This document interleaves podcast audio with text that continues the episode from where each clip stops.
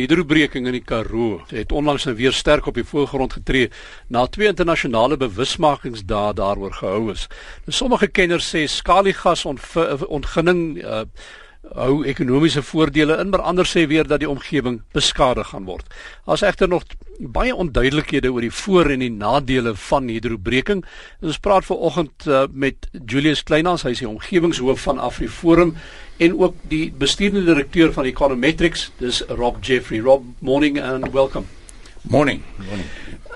Are there any benefits to fracking? Absolutely.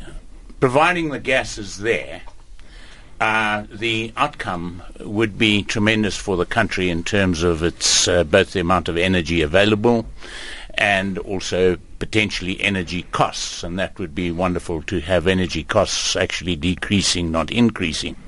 And the amount is something like estimated at potentially 80 billion a year in GDP, something like 300,000 jobs. The first question, though, is to decide whether, uh, well, to establish that the gas is in the Karoo. Mm. Having established that, one can then consider the, the, the, merits or demerits of going ahead with actually uh, proceeding with what one is called hydraulic fracturing. Talking about demerits, um, negative possibilities of this process because they, a lot of people are very unhappy about even the slight possibility that there will be fracking. I think human progress has proved that there are always potential problems that can develop. Uh, but on the other hand, uh, human progress has depended on going ahead and solve, resolving problems, if possible, beforehand. Uh, it, it would be our opinion, but we're not experts on this particular subject. We're experts on the economic potential. Uh, that these can be overcome and they are not quite as bad as many people potentially see.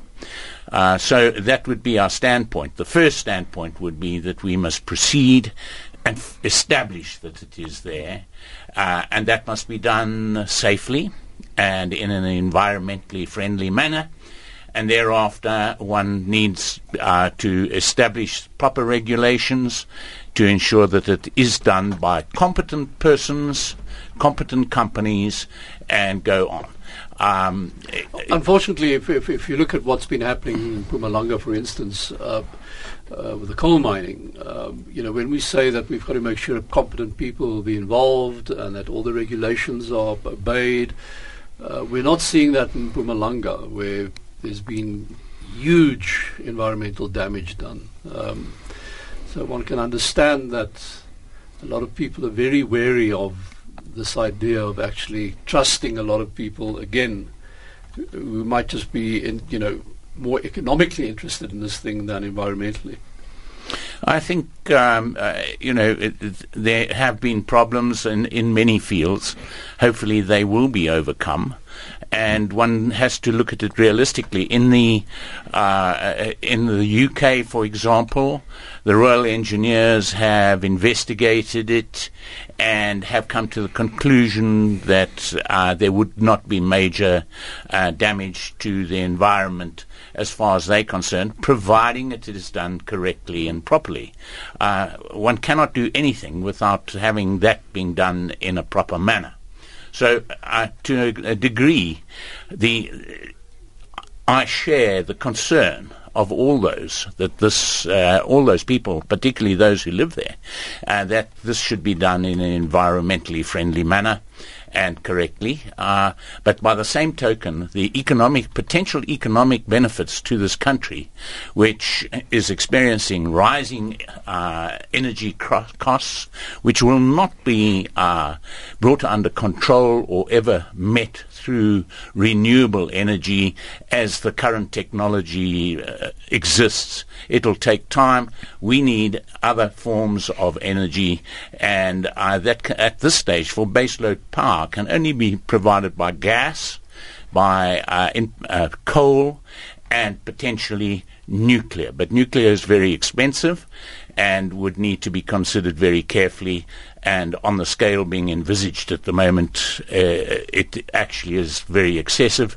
And I doubt if whether one can go ahead on that sort of scale. But we do need nuclear. But the others are definitely there. And hydraulic fracturing cannot be dismissed in that process. Finally, uh, just shortly, uh, having said that, what, what are the most important aspects of fracking that uh, you think that the general public needs to consider? Well, first of all, the hydraulic fracturing, uh, the actual drilling takes place, and the gas is very, very deep underground. Uh, it's not at the level of groundwater, it's far below that. Uh, there could be dikes that go through, there could be other things that would need to be investigated. But the actual drilling mechanism uh, and uh, properly laying out the drilling process is essential. Thereafter, it's more of a pumping operation once the initial fracturing has taken place, and uh, it would be uh, sent to, uh, uh, piped to the necessary power stations or other things, which would be well away from any farming areas. Uh, uh, so the economic benefits from there I doubt if we will be ma- ever become major exporters, but the major benefit would be in, in utilizing it for power. And that, by that, I mean electricity. Mm. Uh, at the moment, we are looking at ve- rising electricity prices, uh, which are almost unnecessary, but actually are, are, almost unacceptable in terms of uh, economic uh, development. It is going to slow our economic development. That was uh, Rob Jeffries, hy is die uitvoerende hoof van Econometrics, Rob thanks.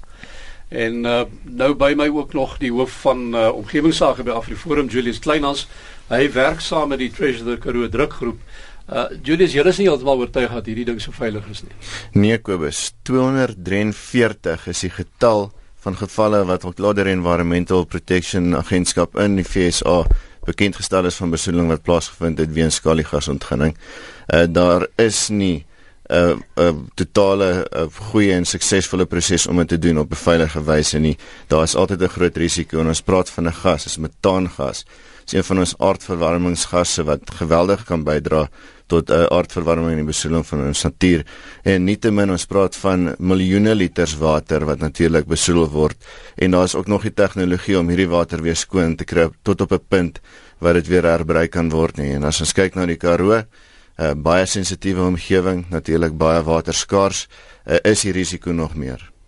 Maar nou sommige mense se argument dat is die Karoo, daar's min mense eintlik in die Karoo, so as daar nou 'n bietjie van 'n negatiewe impak is, dan weeg dit tog nie so swaar as die voordele wat miljoene ander mense elders in die land daaruit kan put nie. Ja, Kobus, as 'n mens kyk na enige ontwikkeling, moet 'n mens kyk na volhoubare ontwikkeling in die jaar 2014. Dis waarna ons streef. Ons wil sien as iets nou plaasvind, moet dit vir jare mense werksgeleenthede skep en daai omgewing moet vir jare gebruik kan word.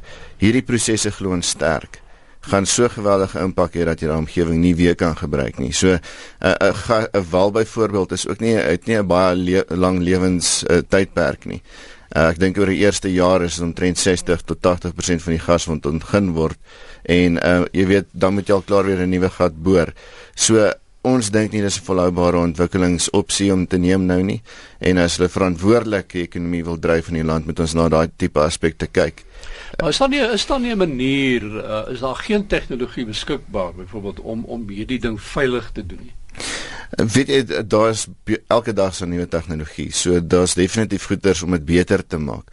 Maar die waarborg vir veiligheid en natuurlik as jy kyk hoe omgewingsregulasies in Suid-Afrika gereguleer word, is 'n geweldige risiko. Ons het nie uh, daai daai goeie inspraak van ons regerende partye in die land om ons omgewing te koester en water te bewaar nie. Ons sien dit oral gebeur en uh, dit is 'n geweldige groot risiko om te neem.